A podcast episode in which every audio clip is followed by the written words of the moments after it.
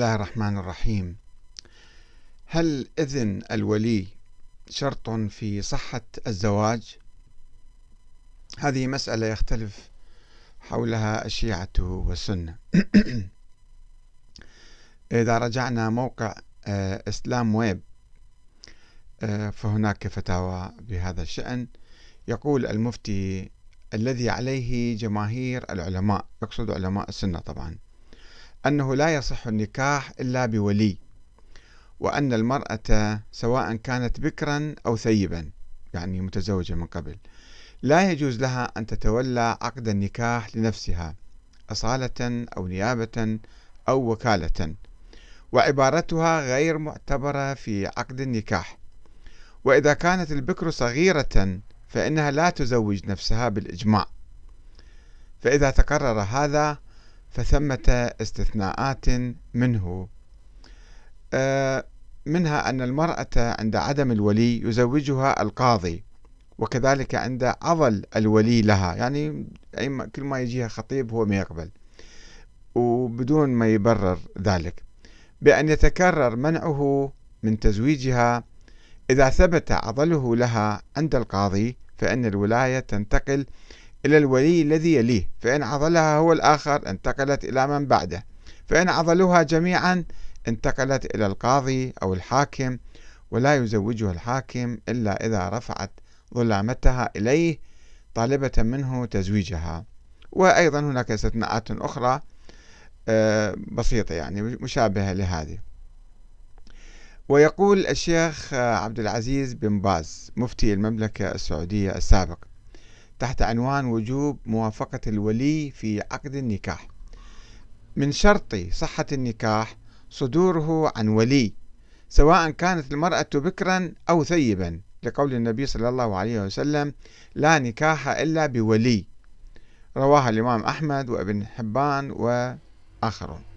وقوله لا تزوج المرأة أو لا تزوج المرأة المرأة ولا المرأة نفسها.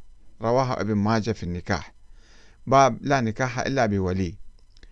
ولكن الأيم لا بد من إذنها صريحا. الأيم يعني الثيب يشرح.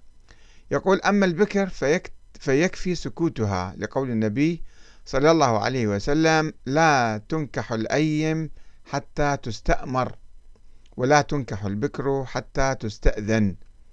قالوا يا رسول الله وكيف إذنها؟ قال أن تسكت. هذا متفق على صحته. وروى مسلم في صحيحه عن النبي أنه قال الأيم أحق بنفسها من وليها والبكر يستأذنها أبوها وإذنها صماتها. ومعنى قوله الأيم أحق بنفسها من وليها أنه ليس لوليها تزويجها إلا بإذن صريح منها. جمعا بين الأحاديث في هذا الباب. وهذا هو قول جمهور أهل العلم. طبعا جمهور أهل العلم السنة يعني. وهو الحق والموافق للأحاديث الصحيحة. والله ولي التوفيق. هذا نشر في مجلة الدعوة العدد 1640 بتاريخ 11 محرم 1419 مجموع فتاوى ومقالات الشيخ ابن باز. ولكن الفقهاء الشيعة لا عموما لهم رأي آخر إلا بعض الأحيان يعني يشترطون الإذن من باب آه، يعني من باب ثانوي. آه، الفقهاء الشيعة لهم رأي آخر يستندون فيه إلى القرآن الكريم الذي لم يشترط إذن الولي إلا في زواج الإماء كما في هذه الآية. آية وحيدة مذكور فيها أخذ الإذن ولكن للإماء وليس للحرائر. ومن لم يستطع منكم طولا أن ينكح المحصنات المؤمنات فمما ملكت أيمانكم من فتياتكم المؤمنات إلى أن يقول فانكحوهن بإذن أهلهن وآتوهن أجورهن يعني مهر مالهن. ولكن الشيعة بناء على أنه القرآن لا يشير إلى مسألة إذن الولي يضعفون الأحاديث النبوية التي تشترط إذن الولي. أو يحملونها على الاستحباب يقول الشيخ المفيد هذا الشيخ الطائفة الاثنى عشرية في القرن الرابع والخامس الهجري يقول ولذلك آه، المرأة إذا كانت كاملة العقل سديدة الرأي كانت أولى بنفسها في العقد على نفسها وفي البيع والابتياع والتمليك والهبات والوقوف والصدقات هي حرة. كالرجل يعني لا فرق بينها وبين الرجل.